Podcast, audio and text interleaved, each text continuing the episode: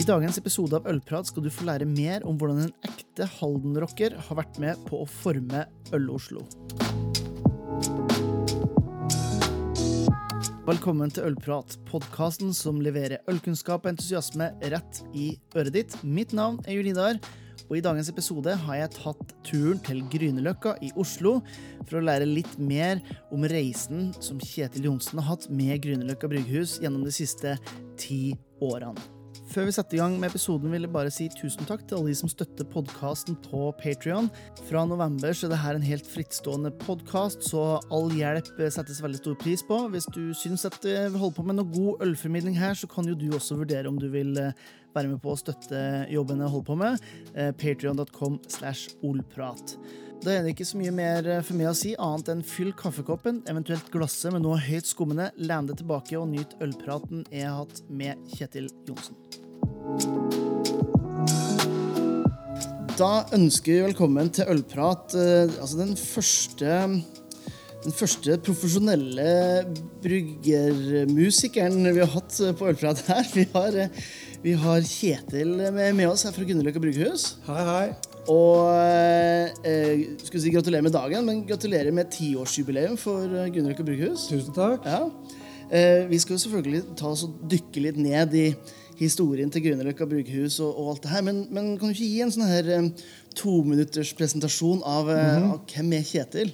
Jo, jeg som person er født i Halden, hvor jeg da vokste opp i sånn musikk-rockemiljø som Halden er kjent for. Mm. Så det er derfor jeg er musiker. Og så er jeg jo sånn, I den bransjen her så har jeg kokkeskole, og så har jeg jobba som kokk noen år. Og så flytta jeg til Oslo som sånn 22-23-åring. da. Og Jobba litt rundt omkring og var musiker. Spilte litt rundt omkring med et band. da. Mm. Det Onkel Tukka? Det, det var Onkel Tukka starta i 1995. Mm. Og vi holder jo på enda. Vi har jo faktisk eh, 25-årsjubileum eh, i år. Så Bryggehuset er ti år, og, og, bandet er 25. Men vokalisten her, vi spilte i et annet band som var litt sånn Pogues-aktig ja, ja. Irish folkrock-band fra 1989. Aha. Og det slo egentlig veldig an. Altså. Vi, ja. vi øvde det het uh, The Rovers. Het det. Ja. Spilte på sånn dødblinde pub, cruise kafé som i gamle dager i Oslo. Men det, det begynte i Halden på den legendariske puben Siste Reis, som er en veldig sånn, kjent uh, rockepub for musikere i Norge, som drar til Halden av Athletic Sound, som er et veldig anerkjent studio som veldig mange også store, kjente norske band har brukt. da. Mm. Som studio, og Da har de vært på Siste Reis, og de har en fantastisk platesamling. og og, sånt, og Der begynte vi å spille. Vi hadde øvd liksom sånn to ganger, og så begynte vi å spille der. Vi hadde spilte bare masse så det er Pogues, eh, Pogues cover og mm. alt mulig sånn balkansk. Og det slang og gikk, da. Ja, ja. Men det ble kjempepopulært. Og mm. vi fikk platekontrakt med Warner Brothers og ga ut en plate, faktisk, som het Cowboy Elephant. Så Den solgte den gangen pene 5000 eksemplarer, som jo hadde vært fantastiske i dag. Ja, Det hadde, helt, hadde vært helt sykt. Det var jo på den tida Åge Aleksandersen solgte 300 000, og Sissel ja, ja. Kirkebø og DumDum Boys 200 000 og sånn sikkert. Ja. Så i hvert fall drev med det noen år, da, som parallelt med at jeg jobba eh, litt i bar. Og sånn, og så flytta jeg til Oslo. Fortsatte med spilling. Og så begynte jeg å jobbe som kokk igjen. Mm. Traff eh, Ned Lowcart, som også var musiker. Spilte i et band som het Wall of Wood, faktisk. Okay. Nå snakker vi mer om musikk. Ja, ja, ja, det er for det er mye av historien min. da. Mm. Men Det var et ganske kjent sånn, undergrunnsband fra LA. Mm. Men han slo seg ned i Norge, og vi jobba sammen på Hovedøya, på Revierhavna kro. Okay. Som en trommeslager for Halden, som var trommeslager for Henning Kvitnes på tidlig 80-tallet. så det er sagt. Eh, Bjørn Juliusson drev Revierhavna kro, den båtforeningen der ute. Mm. Perle.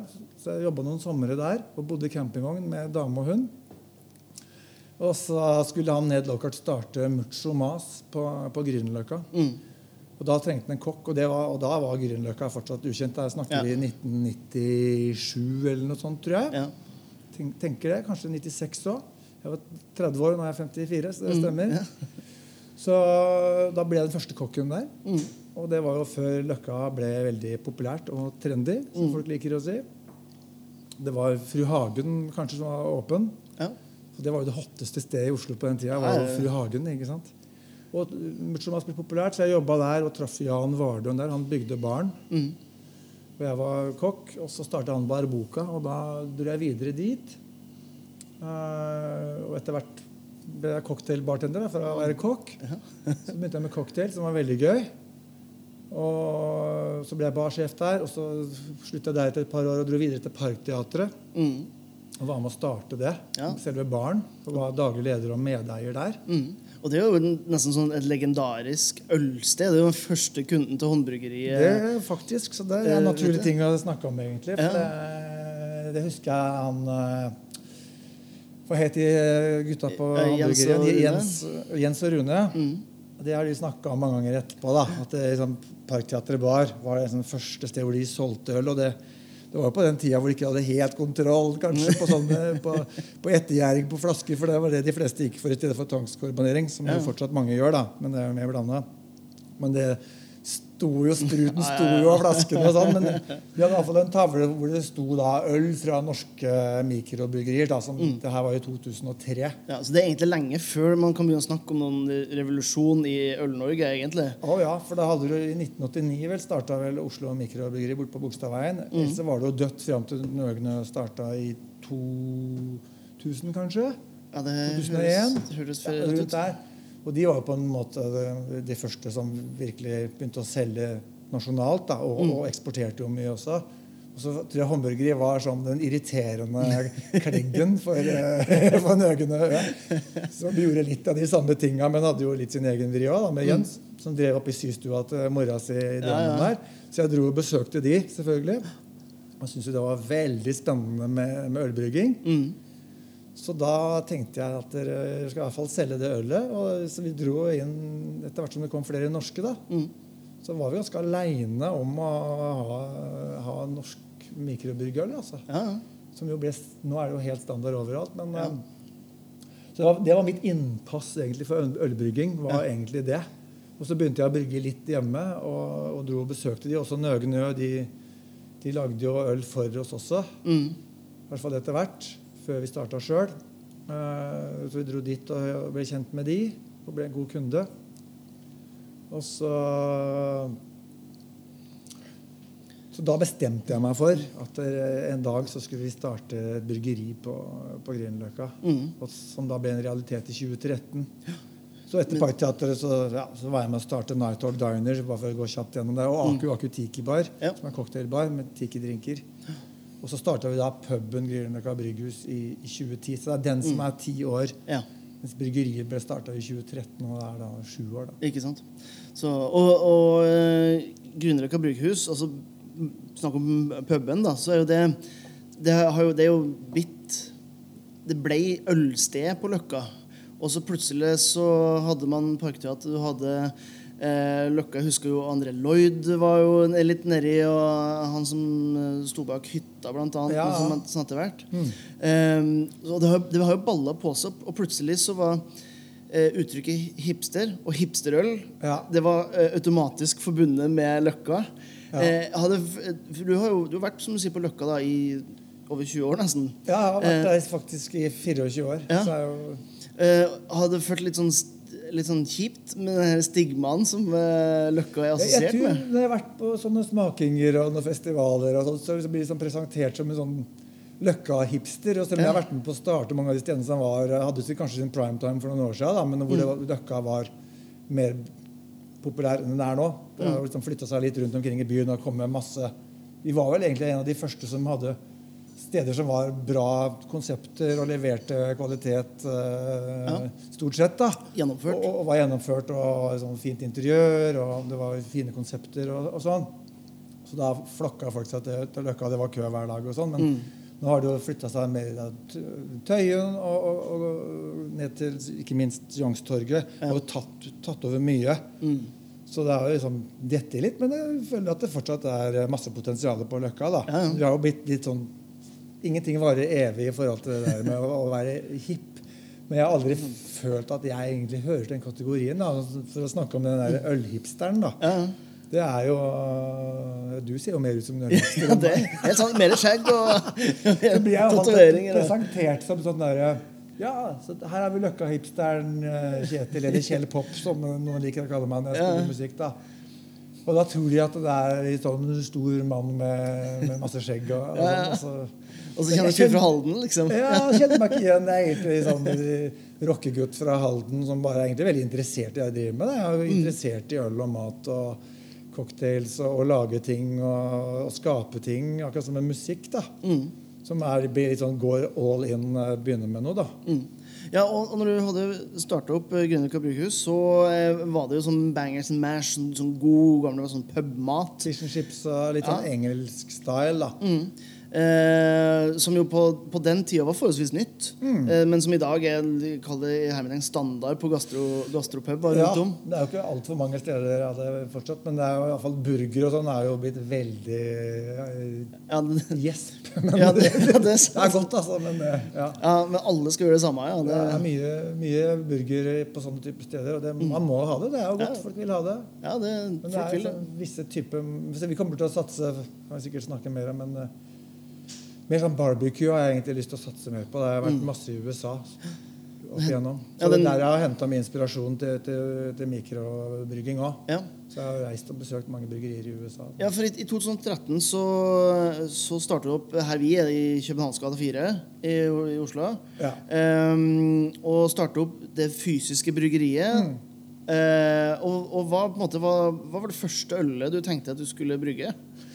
Du, da, da når vi starta i 2013, da hadde vi holdt på i tre år på puben, så folk lo litt av hette heter Grünerløkka Brygghus og har ikke sitt eget bryggeri, men hele tida var jo planen å starte et eget produksjonsbryggeri som først og fremst skulle serve de stedene jeg egentlig har ramsa opp tidligere her nå. Ja. Så for det bryggeriet skulle være, Vi skulle lage, vi hadde et lite rom her i Københavngata så vi skulle lage øl til de stedene vi, vi var involvert i. da. Vi har litt, det var jo Villa Paradiso og, og Vespa her vi sitter nå. og og sånn Barboka, Aku og Grünerløkka Brygghus de steder, og Night Talk Diner, som vi også var med på før. da, for det gikk ikke så bra lenger. Så det, det skulle, var hele konseptet, egentlig. Ja. Og, så, um, så, og da var tanken å lage alt mulig øl. da. Men det var selvfølgelig India Pale Ale. var liksom det første For det ja, det, det selger er fortsatt en bestselger i, i, i mikro, eller i, i håndverksølbransjen. Eller i ja. ølbransjen generelt Ølbransjen, nå, da. ja, ja. Nå har jo de store også begynt å brygge det. Ikke sant? Så det, så jeg er fortsatt veldig glad i det. Og, og vi hadde en eh, første bryggeren vår, han eh, Andreas Ja. Som var på, på Svalbard. Så det var han som lærte opp meg, og jeg var jo med i daglig leder og fikk opplæring av han og gjorde alt mulig annet òg, mens han var bryggeren. Så det var, men det første vi lagde, det var faktisk en, en, eh, en engelsk bitter. Det var match nummer én. Ja, ja. Så hele tida har vi tenkt at vi skal lage øl for først og fremst puben. da, på, på fat. Og det, da kan man ikke bare lage rare øl. Man eh, må lage alt mulig, egentlig. Vi har 20 tappelinjer Mm. som vi egentlig prøver å lage mest mulig sjøl for å fylle de linjene. Mm. Og etter hvert som året har gått, så har det blitt nesten bare vårt eget øl. ja. Det er liksom lønnsomt også. Mm. Så vi lager alt mulig. Men uh, det var nok IPA som uh, Som var det du tenkte først, ja. Ja, litt, av sånn kommersielle hensyn. Og man syns det er godt, da. Ja, ja. For da, da, da tenker jeg litt sånn um, Når man ser porteføljen av, av øl som jeg vil brygge opp igjennom, så er det som, det, som du sier, det, det spriker helt fra, fra bitter Ja. til IPA og via surøl og i hele tatt. Når, er Ja. når det du og Inga som er hele bryggeriet Ja, det har blitt det etter hvert. Eh, men, men når dere skal lage en ny øl, hvor, hva, hvordan tenker du da? Jeg prosessen, tenker, det liksom. må jo sånn, For å finne en ny type, eller, ja, da er det ofte Hva trenger vi nå? Mm. Nå har vi jo etablert oss eh, i butikk og på polet for lengst. og, og sånn, så vi, vi har jo tenkt veldig ofte butikkstyrkeøl siste åra. For det, det funker veldig bra på puben. Vi må selvfølgelig ha masse sterkøl òg. Mm.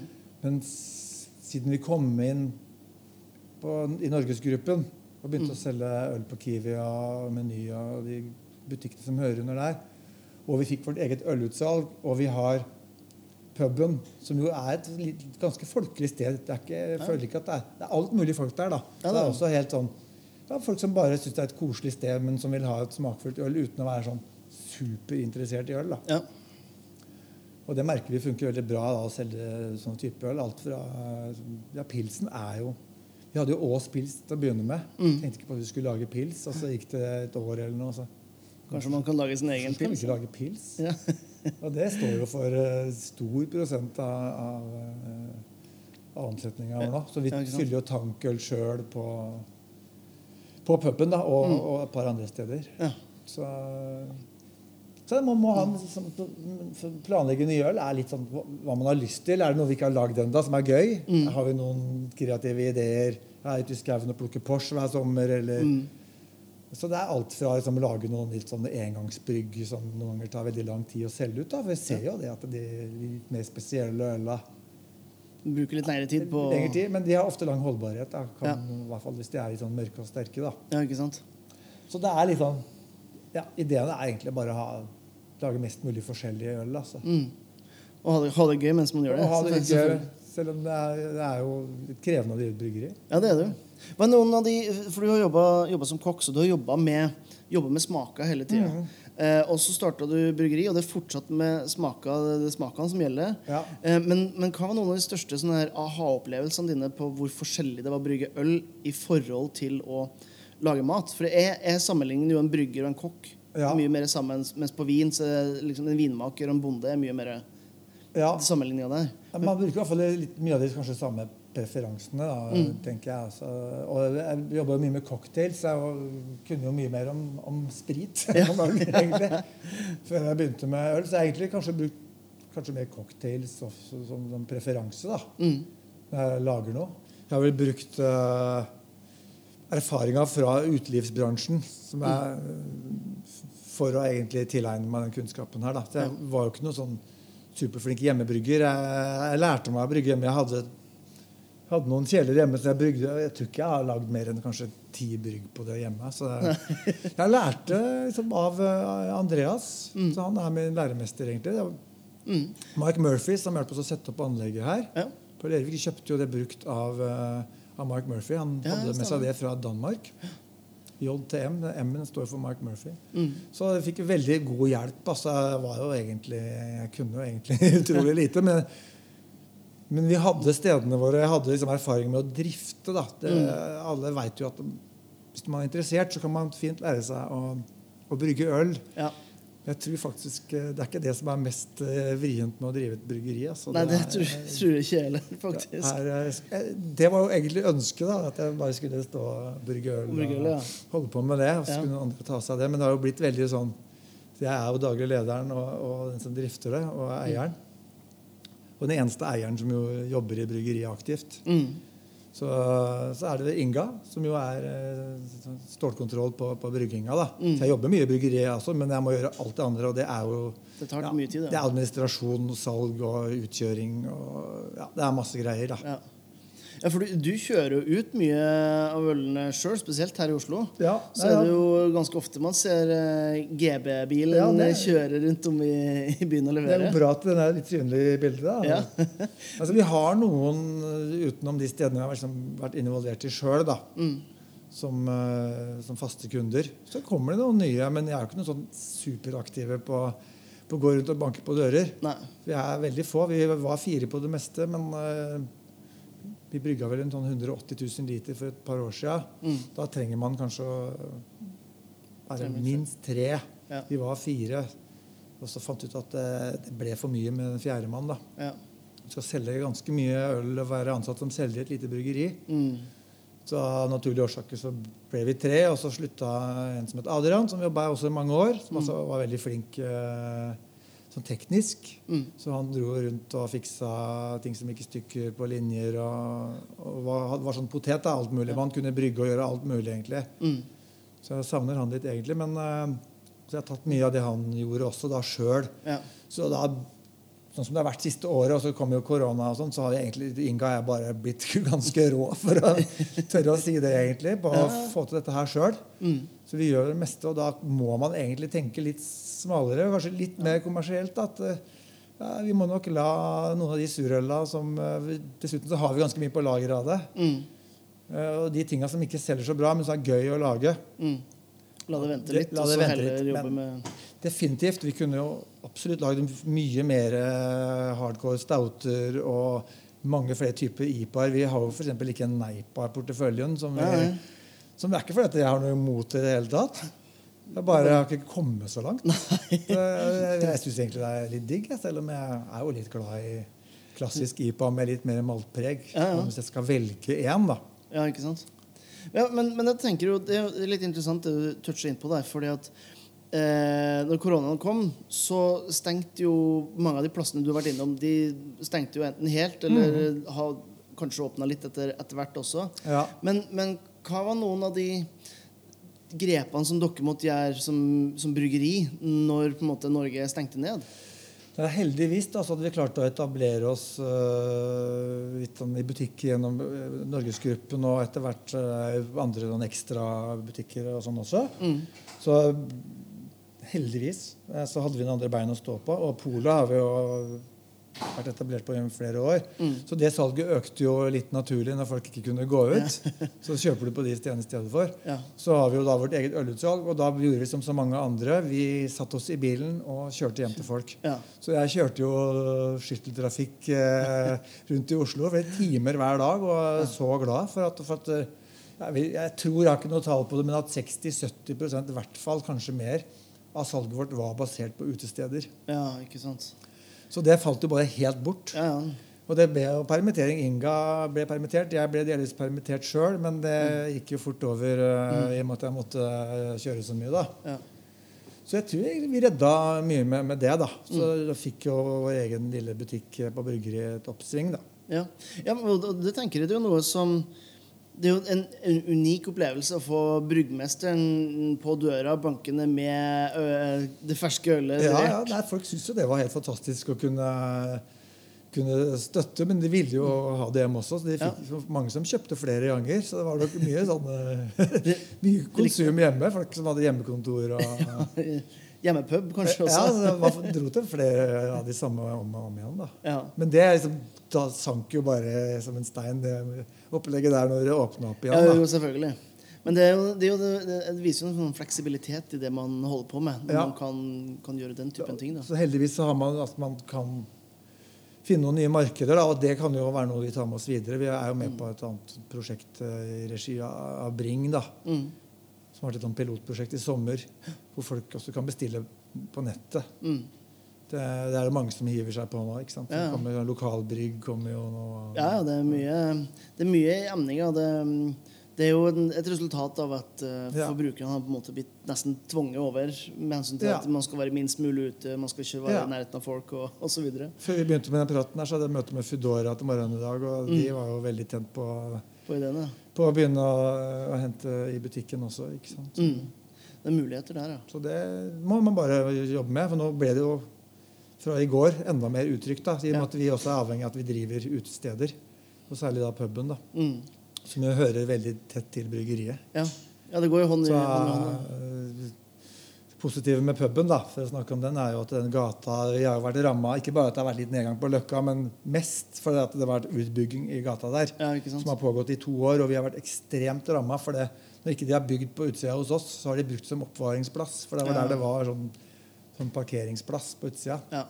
Men belønninga der er jo at nå er det brostein, og vi får masse uteservering da, hvis alt går bra, bra med, ja. med, med at dette her går over dette viruset. da. Mm. Så da er man liksom, men det er masse utfordringer, da. Ja. Må si det. ja, men du, har jo vært med på det her eh, spillet, om man kan kalle Ja. håndverksøl eh, for spill, da. De siste ja, ja, 24 årene har du i Ja, hvert fall vært, vært bevisst på, på det her eh, i Oslo. Og da tenker jeg, Hva er noen av de, de sånn, sånn store endringene du har sett som har skjedd?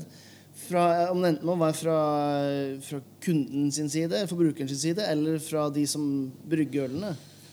Nei, så, så det, det er sikkert mye å snakke om, men uh, kunder føler jeg at det i hvert fall har blitt et mye, en litt sånn videre gruppe. da. Mm. Og når jeg snakker om hvilke ølstiler vi, når vi lager jo ting som kanskje Vi lager jo pils, eksempel, som jo veldig få før oss hadde lagd av mikrobryggerier eller håndverksbryggerier. Og nå blir det mer og mer vanlig. Det var jo litt sånn, når vi begynte, det var det, ah, pils det, det går litt på uvitenhet kanskje òg, men, eh, men det, det var jo grunnen til at vi begynte, var jo liksom at pils det var de store bryggeriene som skulle lage, og det smakte jo ofte litt sånn kjipt og sånn, da, men nå har jeg fått litt mer nyansert syn på alt mulig.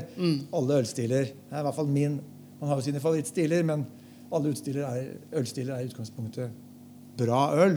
Man må liksom bare brygge de bra. Ja. Så pils er jo kjempegodt. Mm. Ja, som et eksempel, da.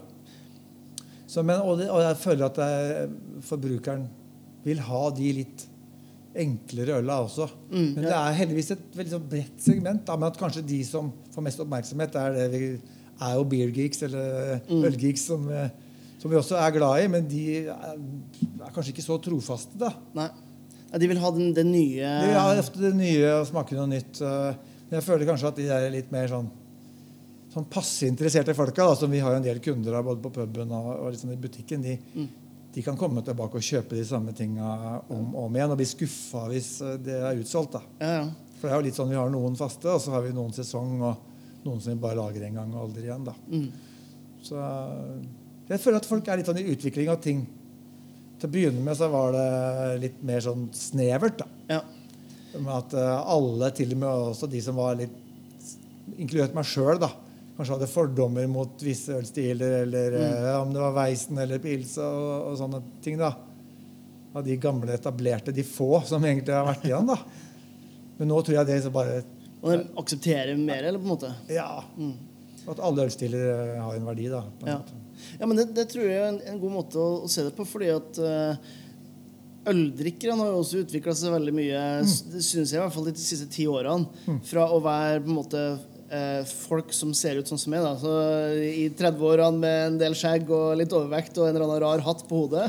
Eh, som det gjerne var da, for sånn ti års tid siden. Det var de som Men du bor ikke hjemme hos mora di alene på gutterommet? hvert Det gjør jeg ikke. Og jeg bor ikke på Løkka heller, jeg bor på Grorud. Så det er litt, litt annet miljø.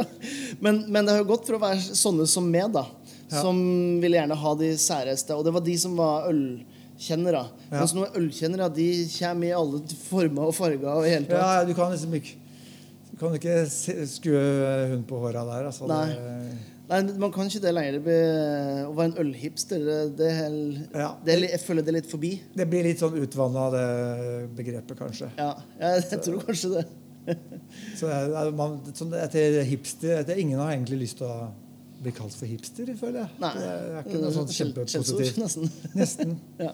Nei, det Men man, det gjør at man, man har jo en større gruppe med mennesker som da setter pris på det. Ja. Eh, og jeg, jeg har dratt opp et par ganger før i podkasten og diverse direktesendte smakinger. Mm. Men jeg husker jo et øl som kom fra en av de absolutt største aktørene i verden Mm. på det norske markedet, og så var det brygga til kvinner. Og da husker jeg bare Men det, det, det ble liksom ikke krenka på vegne av damer. Men da tenkte jeg bare Men hva med alle de damene som elsker øl, da? Mm. Og ikke bare vil ha noe som smaker lite og er kaldt, liksom. Så kan du drikke vann i stedet. det er jo det er ikke noe sånn kjønnsbestemt, dette her. Det er Vi ser jo at det fortsatt er Det er noe stigma, det. det. majoritet av menn som, eh, som er interessert. Mm. Det ser vi jo på puben nå. Det er jo flere menn enn damer. Men det, Mm. det er så Og veldig mange damer som liker alt mulig. Ja, ja dere, Det er- det har jo som du nevner, du har jo Inga her som, som brygge. Dere Ja, har jo en humlepupp. Ja. Eh, dame, Det var hun som med er- å starte. Mm. Sammen også Julie eh, Amundsen, som jo eh, var Ja. daglig leder på, på puben før, eller barsjef. Mm. Så det er masse flinke damer. I går snakka en halvtime med, med Ingeborg fra, fra, um, Fra Lindheim. fra Lindheim. Og jeg kjenner jo godt uh, Jeanette på Voss er jo gode venner. Ja, ja. Så det er jo masse sterke damer i, i bransjen. Og, Mm. og Inga, jeg vet ikke om noen som er eh, tøffere enn henne. Altså. Så hun jobber, eh, jobber hardt. Så jeg tenker ikke på det egentlig så Mm. Nei. mye. Altså. Nei, nei. nei så det, jeg tenker i hvert fall sånn eh, For min del, når jeg ser tilbake de siste ti, ta de ti, siste ti årene, da, så har det på en måte gått fra at håndverksøl er en sånn sær greie som eh, folk begynner å ha midtlivskrise, de blir interessert for. Ja. Og nå er det liksom alle Alle er, glad i godt øl, da. Ja, ja, ja. Nei, det, det blir fort litt usjarmerende hvis det bare er en sånn liten eh, gruppe med sære menn. Det blir, det blir veldig usjarmerende ganske kjapt, ja. tror jeg. Så Prøve å henvende seg til eh, alt mulig folk. Da. Og man merker sånn som Berliner Weisse har vi jo kjempesuksess med. Mm. Eh, noen typer av det. Og det er jo øl som Det kan man jo si at det er jo noen ganger ofte damer som eh, ikke er så glad i øl, for at det er litt sånn Vet ikke, men det er for at det er de som er glad i sider, da. Ja. for eksempel. De syns Oi! Det, som ikke, det kan være menn nå som sier jeg er ikke noe glad i øl. Nei. Men det kan de like. øl, men når de kommer til å få smakt berlinerweisse, f.eks. med frukt, da, Mm. så bare Oi, dette er jo ikke øl. Jo, det er Ja, jo det- også, er også øl. Alt øl er basert på malt, da. Så liksom forklarer det med, det med forskjellen på, Mm. på hva øl egentlig består av. da. Så det, er jo det. Man, veldig mange som ikke vet hva øl er. da. Selv om folk begynner å bli mer belært nå. Men uh, jeg husker jo sjøl. Jeg drakk øl fra jeg var ganske ung. For å bruke det som eh, I Halden så var det sikkert som i, i mange andre byer. Men det var jo fylla som gjaldt, da. Ja, ja. Så det var ikke så innmari farlig hvordan det smakte. egentlig. Og vi visste jo ikke hva det inneholdt. Det har jeg tenkt på etterpå. Ante jo egentlig ikke hva øl var. Nei, nei. Det var bare en magisk drikke med Ja. alkohol, liksom. Så har, har du liksom fulgt menneskeheten i tusenvis av år. Ja. Så det syns jeg har vært veldig gøy da, å lese masse historie om øl, og hvordan det bare er en del av øh, I hvert fall folk fra vår breddegrad Mm. sin, øh, sin kultur. da, Hvordan i Nord-Europa alltid har liksom drevet og drukket øl. da. Ikke sant? Ja, det, det en det, virker, det føles ut som det er en kultur som vi driver og tar tilbake. Ja, eh, Litt grann. Jeg sier jo det, det her om omvisninger, at 1900-tallet var litt sånn svartedauden for øl, egentlig. Ja, altså, særlig skal alltid om forbudstida fra 1920 til 1933 i USA, hvordan det på en måte drepte ølkulturen. Ja. Som jo var kjempemangfold i, i USA Mm. fram til det. Det gikk jo fra flere tusen bryggerier til Ja, det var noen sånn 3000 og noe, og så var det noen få igjen da, i 33. Så det er jo veldig fascinerende. Mm. Hvordan det, det kom tilbake med Det er jo der vår håndverksølkultur kommer fra, er jo USA. Det Ja. oppheva vel hjemmebryggerforbudet på, på 70-tallet. da. Mm. Og så begynte, kom det jo bare noen eh, mikrobryggerier. Det Ja. Og nå er det 6000 der borte. Ja. Eller håndverksbryggerier, da. Ja. ja, det er sjukt mange. Så, Så vi kommer på et sånt tidspunkt eh, da Nøgnø og Kinn og Ægir og Bryggeri alle vi har snakka om, eh, var etablert. Og så kom vi som en sånn bølge nummer to Mm. Ja. sammen med Voss og, og Lindheim. da. Mm. Vi starta opp samme året, så vi samarbeider veldig mye med de. For det, man vet ikke helt hva man går til. nei. Så da, vi var jo ganske heldige som fikk liksom, ting inn på polet. Og så kom det en ny sånn bølgefølge et sånn par år etter det igjen. Da, sånn Ja. 2015. Det var da det tok helt av. Ja. Og da har vi merka at puben hadde, var jo kjempepopulær. Vi hadde øl fra Det var jo stappfullt der før vi begynte å brygge sjøl. Mm. Vi hadde kanskje én øl som Nøgne Øl lagde for oss. eller noe Ja. sånt. Men så kjøpte vi jo bare øl fra alle andre. Men da, så, da tok det helt av så med, med norske bryggerier fra 2015-2016. Mm. Det var vel, mange var det i Norge på 80-tallet? Var det sånn eh, 10, 8-10? ja. Og nå er det kanskje 200 og noe. Godt over 200 Ja. det siste, siste vi sjekka. Så det er en ganske sprø utvikling. Ja. ja, det har gått ganske, det har gått ganske kjapt. Det har det.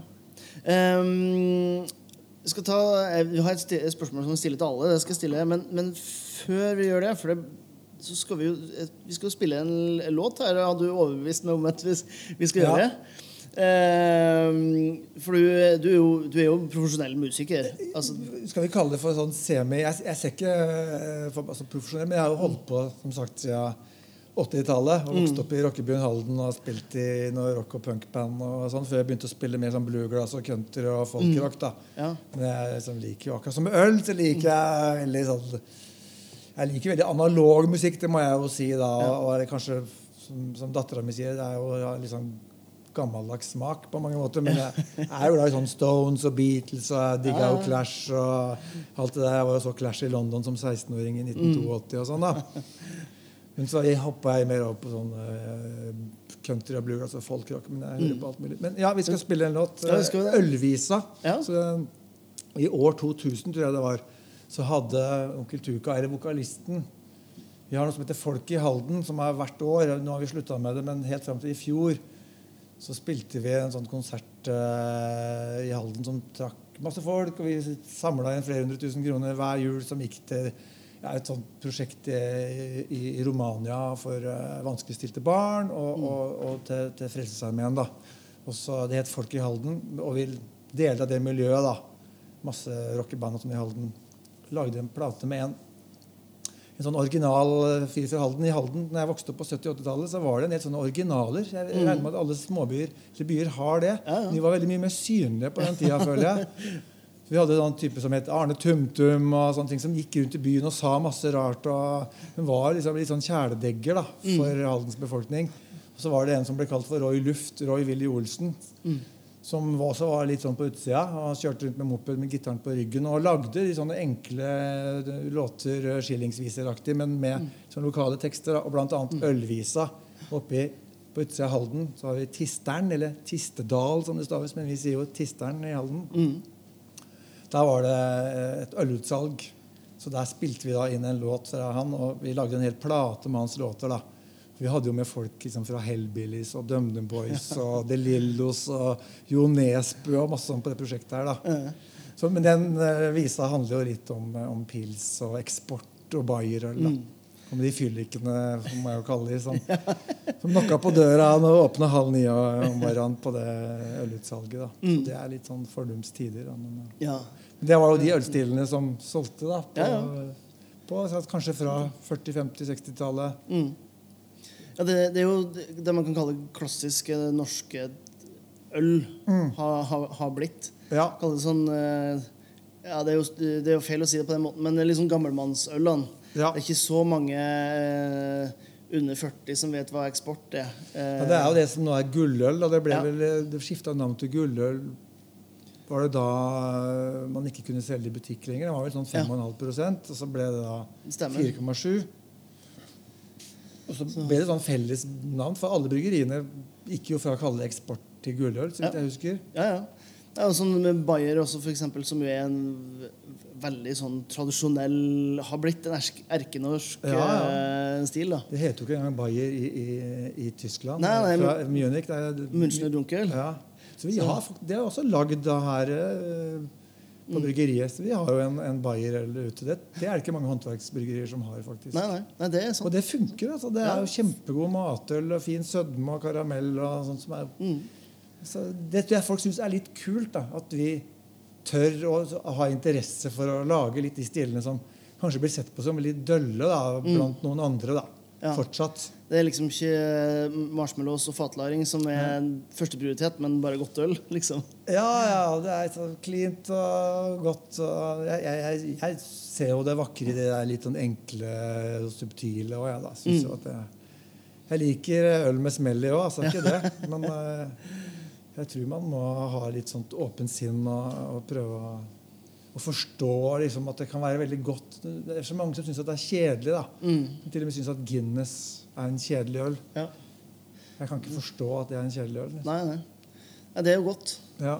Men det er ikke, kanskje ikke så skrikende som Men, men man, nei, jeg tror man må lære seg å- For der er alle de smakene som du også finner i, i, i røffe stouter. da. Mm. Der er de så overtydelige. da. Ja. Så jeg syns at det, det igjen kan Det er kjempedigg, det òg. Men det, det Mm. Men det- kan jo bli litt sånn hva skal jeg si, endimensjonalt. da. Ja. ja, men det blir jo litt sånn som du snakker om musikken. da. Det, du liker det litt sånn analogt. da. Ja. At det er litt eh, Dere kaller det litt ekte. Det er Ja. ikke Trenger ikke å skru opp volumet på 11 hver eneste gang. liksom. Nei, så er det gøy å ta tak i historien og lage klassiske stiler. og prøve Det blir jo mm, håndverksbrygga uansett, så det, Ja. det blir jo litt annen smak enn det du har vært vant med fra de store byggeriene. da, Ikke sant? Uansett, da. Mm. I at De filtrerer jo ikke, og det, er, det blir det, bare en sånn mer levende. ja, ja, samtidig det, man, man bommer hvis man tar i for mye med de, noen av de stilene der. da. Det er sant. Men jeg lager sånn engelsk brown ale, og vi var inne på det i stad også. Vi lager, jo bitter. Sånne typiske pubøl. Mm. Man tenker liksom at det, hvem er det som vil ha det, men så dytter det på bort på puben. Og selger jo mye mer av det enn det, av det fatlagra surølet har, som er brukt Mm. tre år på å lage. Liksom. Med ett år på fat og ett år på lagring etterpå. Så, Mm. så det er eh, noe å tenke på. For ja, sånn, Det trenger ikke være ekstremt hele tida. Ja, ja. før vi eh, setter i gang med ølvisa, Mm. eh, så skal jeg stille deg spørsmålet. Og jeg tenker Du må jo helt ypperlig å spørre spørsmålet som både kokk og brygger. Eh, og det er rett og slett Hvis du skulle hatt en helt kanon øl- og matmatch, eh, hva, hva er det du går for, eh, for da? Åh. Jeg skulle nesten ha forberedt det på det spørsmålet, for det er jo så mye som er helt uh, fantastisk. altså. Men sånn eh, Vi var jo inne på det i stad. så For å gjøre det sånn som er litt sånn folkelig og, og norsk og sånn, så kanskje man skulle ta tilbake den der vi snakka om Bangsen Mash. da. Stikke opp på Strøm Larsen og kjøpe seg noen grove, ferske pølser. Og så lage en mash med deilige norske høstpoteter. Og, og med en løksaus. Og så bruker du f.eks. en bayerøl. da. Ja, i glasset. ja. Så, og kan bruke det til å lage maten også, selvfølgelig. da. Både i glasset, men også til å lage sausen med. da. Men er, Jeg kunne ramse opp mye av det. Sånt, så, men det er en sånn, litt sånn hutrig høstdag som det er hvor det regner og er mørkt, og det er en hverdag Så en, eh, en god bayerøl eh, med Bangerson mash Ja. det tror jeg også Kanskje til og med dytte på litt sauerkraut. Altså, det har vært Ja. kålsesong. Altså, det er også så lett å lage sauerkraut. Altså, det er å stampe ut eh, væska av sauerkrauten og tilsette litt salt og legge det i press. Så, Til et par uker så har du Og det er jo litt sånn tradisjonsmat. Mm. Blanding av litt engelsk og tysk og litt norsk her. Så jeg sier det. Ja, ja, men det er veldig, veldig innafor. Ja. Da sier jeg tusen takk for ølpraten, Kjetil. Bare hyggelig. Takk igjen til Kjetil som tok seg tid til å prate med, og ikke minst takk til dere som hører på. Jeg setter veldig stor pris på den tilbakemeldinga jeg får. Jeg kan gjerne ta imot mer, så send meg gjerne en melding. Søk opp Jørnidar med høyt skum på Instagram eller på Facebook, så kan vi connecte litt der. Hvis du vil ha øloppskrifter, informasjon, artikler og i hele tatt, så kan du sjekke ut høytskum.com. Og hvis du har lyst til å høre de her podkastene før alle andre, og samtidig støtt det jobben jeg gjør med ølformidling, så kan du sjekke ut patrion.com slash ollprat. Der har du muligheten til å støtte den jobben jeg holder på med. Og så vil jeg bare at dere skal huske til neste gang vi høres, at livet er for kort for å drikke dårlig øl.